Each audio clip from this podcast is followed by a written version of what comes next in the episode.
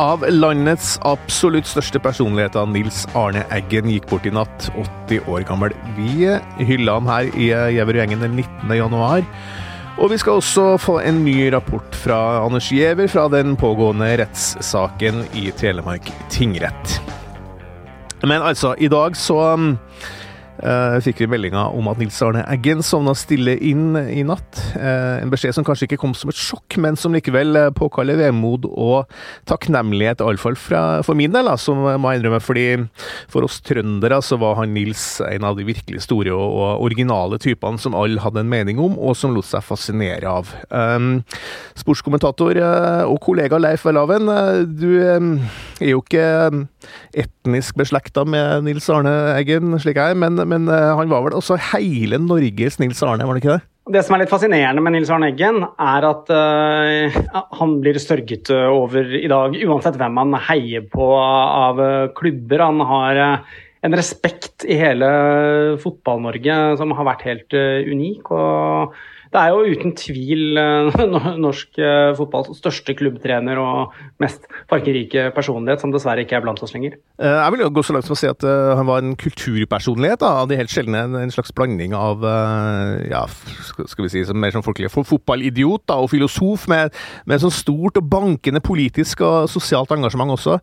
Det er jo helt umulig egentlig å beskrive en sånn personlighet, men hvis du skal få en mulighet til Leif, altså bare, bare beskrive beskriv Nils Arne Eggen som, som, eh, både som fotballtrener og som, som, menneske?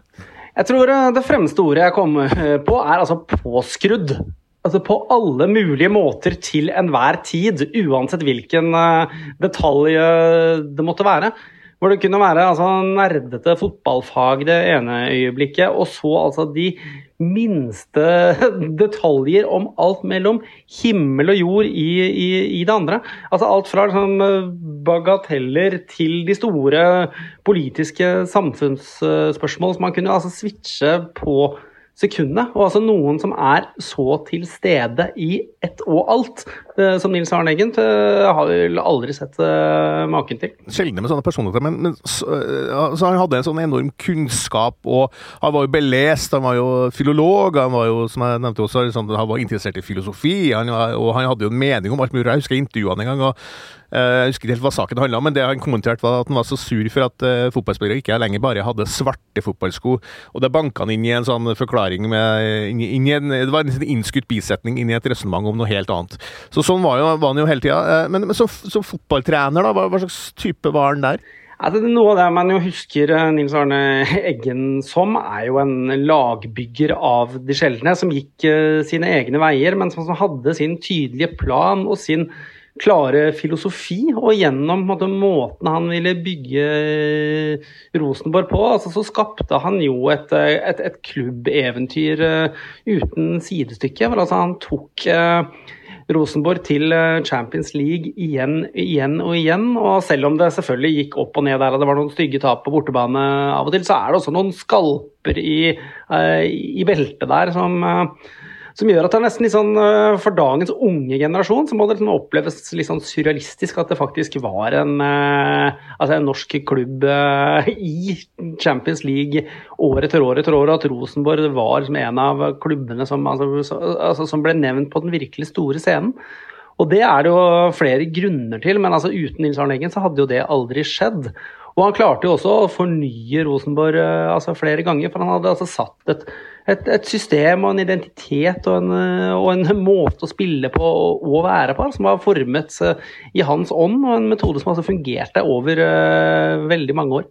Og dere lærte han jo både fra Nederland og fra Han, han var veldig sånn dypt interessert i fotball som spill. Altså han, han, reiste rundt og fikk impulser her og der, og, og tok med seg og utvikla seg. Så en sånn slags original, uh, eggensk måte å se på fotballen som, uh, som spill på. Da. Og, og, da gjaldt jo det med samhandling og det som senere ble kalt for godfoten. og sånn At du, du, var bedre Du trengte ikke ha de største stjernene, men du, klar, du klarte å bygge et kollektiv. Og det, det, vel, det ser du kanskje en del av de beste lagene i verden i dag også. er jo, er jo Det er ikke nødvendigvis nødvendigvis at det blir de beste lagene, de som har de beste spillerne. Det, det handler om å bygge da, fotball eller, og, og samfunnet ellers også, som å ha en, ha en kollektiv, kollektiv kraft. da.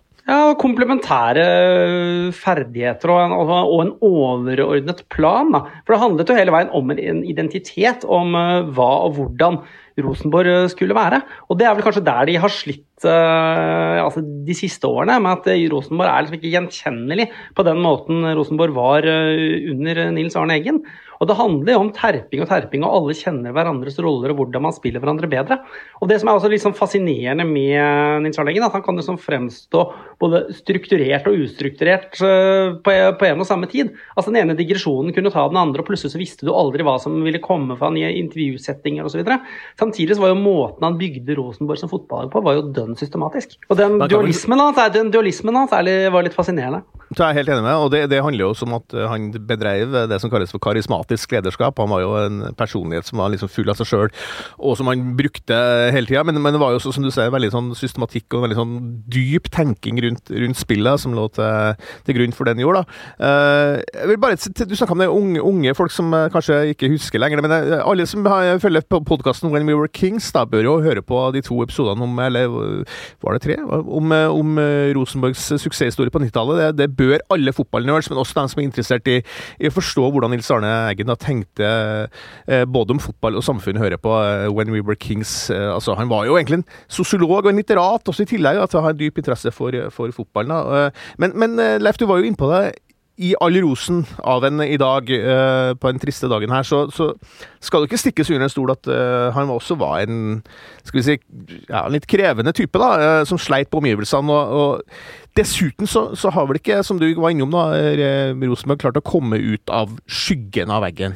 Nei, det er klart Når du har en som var så påskrudd ned i, vinst, ned i hver minste detalj om alt mellom himmel og jord, så har det selvfølgelig også en side ved, altså ved Nils Arne at han kunne oppfattes uh, så, altså som slitsom for omgivelsene i perioder. Og det er klart det har vært friksjon der. Uh, og det har, altså, i, det har jo altså vært eh, tider hvor ikke, ikke, alt har liksom vært rosenrødt mellom han og deler av spillerne osv., men han klarte noe, likevel å, holde, altså, å skape noe såpass mye over tid.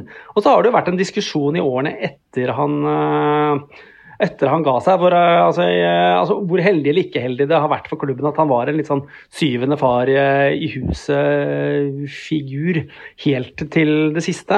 Altså Så seint som altså, vin, i vinteren 2020 så ønsket jo valgkomiteen i Rosenborg å få en annen styreleder enn Ivar Koteng. Men der var det altså Nils Arne Eggens eh, tale langt over den tilmålte tiden som eh, i hvert fall etter mitt inntrykk langt på vei snudde salen og sørget for at Koteng eh, fikk eh, nok en periode. Og Det er jo lenge etter at Nils Arne Eggen var trener, og det sier jo litt om hvilken posisjon han beholdt i Rosenborg, også blant medlemmene helt til det aller siste.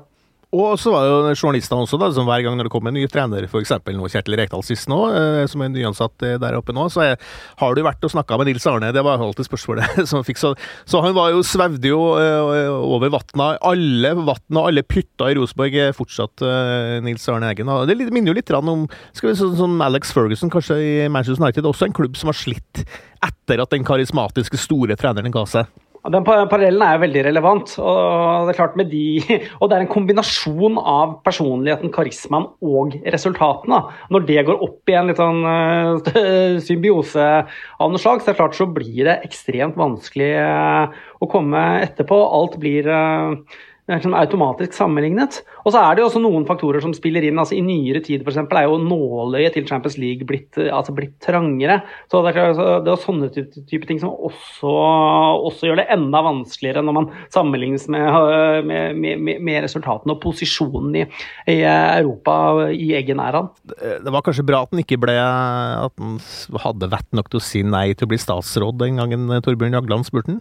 Det sier jo litt, da. Bare det at det ble at det var såpass aktuelt som det, det var. Det er klart, altså For den norske offentligheten og uh, samfunnsdebatten og sånne på ting, så hadde det jo vært uh, unektelig uh, interessant å se hvordan han hadde, hvordan han hadde gjort seg der. Men, det, det, men det, kan jo godt være at, det var, at, at han valgte rett i å i hvert fall ha meningen valgt mellom himmel og jord, men holde liksom at hovedfestet hans forble innenfor fotballen og ikke politikken. Det er i hvert fall ikke mange sånne slike skal vi si, ja, elleville personligheter lenger. sitatmaskinen, sitatmaskin, en høyttenker, en spontanist og en eh, åpenhet. da, som, som eh, Han var like åpen som den største låvedøra på Fannrem, eh, Nils Arne Eggen. Og vi lyser fred over originalen Nils Arne Eggens minne.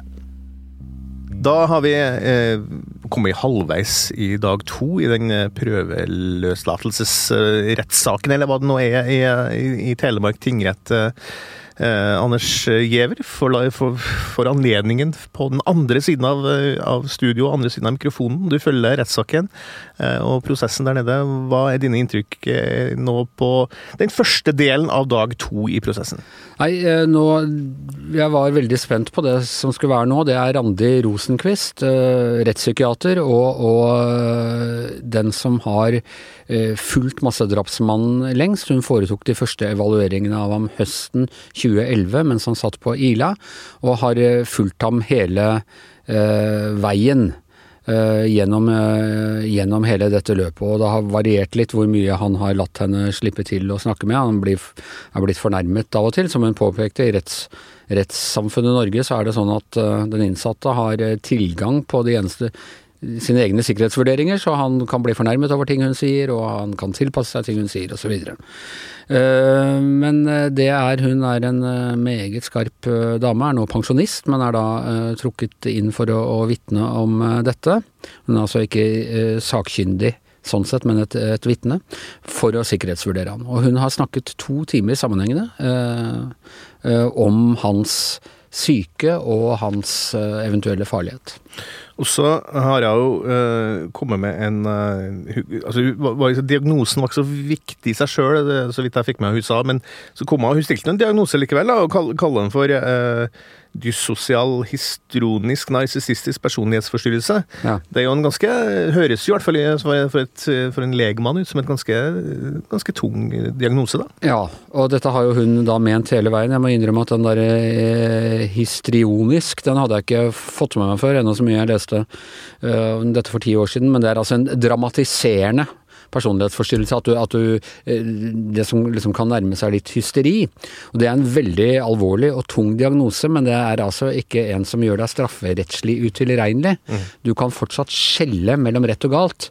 Du, du, gjør, altså, du gir altså bare blaffen i det fordi du er narsissist. Altså du klarer ikke å oppleve andre menneskers følelser, bare, uh, bare dine egne. Og Det som var interessant at hun sa, var at hun fant mye av det hos flere andre også alvorlige mm.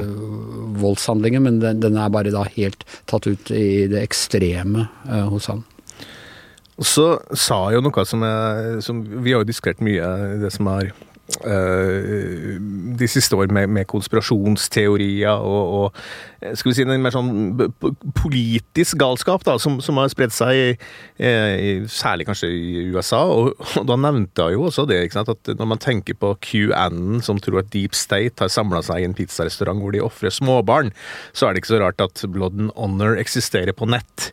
Så cirka, tror jeg det er USA. Ja. Uh, og det var jo også sånn På en, på en måte så var jo Breivik da så rart en høres litt sånn forut for sin tid på, på, det å tenke de baner, liksom. Ja, og det er jo interessant både fordi han var tidlig ute med sånn helt uh, selvradikalisering, og jeg syns at det var en veldig god forklaring hun der ga hvordan kan noe sånt oppstå? Mm. Eh, det han serverte i retten i går var jo enda lenger ute enn det i 2011, hvor han da holdt på med Knights Templar eh, mm. og sånne ting. Det er umulig å gjengi alt eh, røret han ga. Men hun forklarte hvordan, hvordan, disse tingene kan oppstå. Altså, man kan jo også få en slags sånn da kollektiv feiltanke om hvordan ting henger sammen, og det ser du altså. at QAnon-greiene går jo langt inn i norske, kan, ja, norske nettsteder som eh, denne terroristen følte seg tiltrukket av eh, for 10-11 år siden. De holder jo også på med den type helt sprø konspirasjonsteorier om QAnon og, og uh, deep state i det hele tatt. Så at én person alene kan klare å holde dette gående, og særlig når han da går i sitt eget lille ekkokammer i en celle i et fengsel, det er jo ikke så rart. Så kan vi si eh, du fulgte jo saken for ti år siden, og, og eh, altså Selv om han ikke på en måte var, var utilregnelig og han, så, så, var han jo også da spesiell, da, for å si det sånn. Hvordan syns du at en, en mer spesiell, en mer merkelig nå enn den gangen? Og, og det har du jo forklart litt med at fraværet av internett og fraværet av ekkokamera, men fremstår den enda liksom Altså Det han sier er enda litt lenger ute. Uh, og, og, hun har jo ikke evaluert ham nå uh, psykiatrisk, dette er mer en trusselvurdering. Hun mener jo helt åpenbart at han fortsatt vil være meget farlig uh, hvis han slipper ut. Men, men, ja, altså de tingene han sier nå er ennå eh, lenger ute. Eh, det kan skyldes at eh, ja, mangel av tilgang på input og, og, og sånn gjør ham, gjør ham, eh, mer isolert og spesiell. Og, og det kan vel også tenkes at isolasjon i seg selv, slik han er Han har jo ikke kontakt med mange. Eh, som hun sa, de eh, det er flere i fengselet av andre fanger som vil skade ham enn som vil snakke med ham. Eh, så han lever under et, et svært strengt regime, og det kan også ha påvirket ham. Hva med det politiske? En mer politisk uh, høyreekstremisme som er enda dypere nå? Liksom, altså Han har jo da Dette tror jeg skyldes at han fikk jo ikke noe støtte fra altså Disse anti-jihadistene de reagerte jo med forferdelse da dette skjedde i 2011. De Fjordmannen alle sammen de fikk jo et eh, kjempesjokk mm. over at noen tok tankene deres til denne uh, ytterlighet.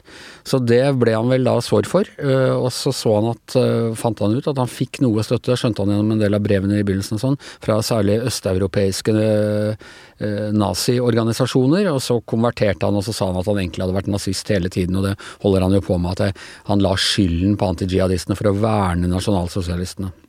Og i, i, dag så har det jo vært en, en svensk nazist til stede i, i rettssalen. Uh, I den provisoriske rettssalen. Uh, som som vitne for Brevik, vil jeg tro. da. Hvordan, hvordan, fungerte det? Hva slags seanse var det?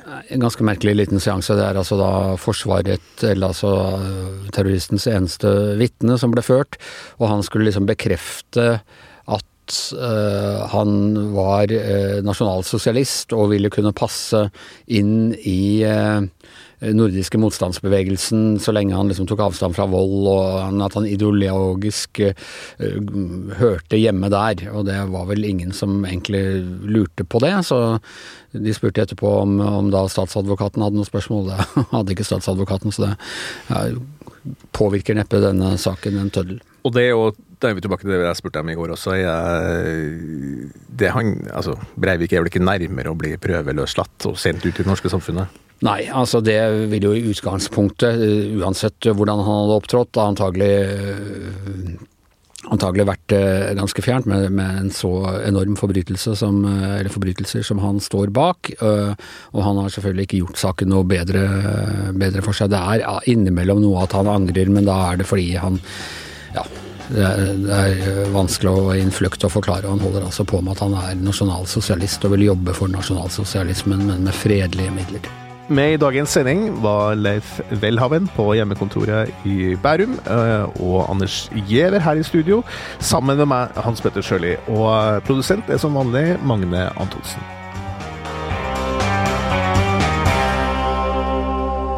Du har hørt en podkast fra VG. Ansvarlig redaktør Gard Steiro.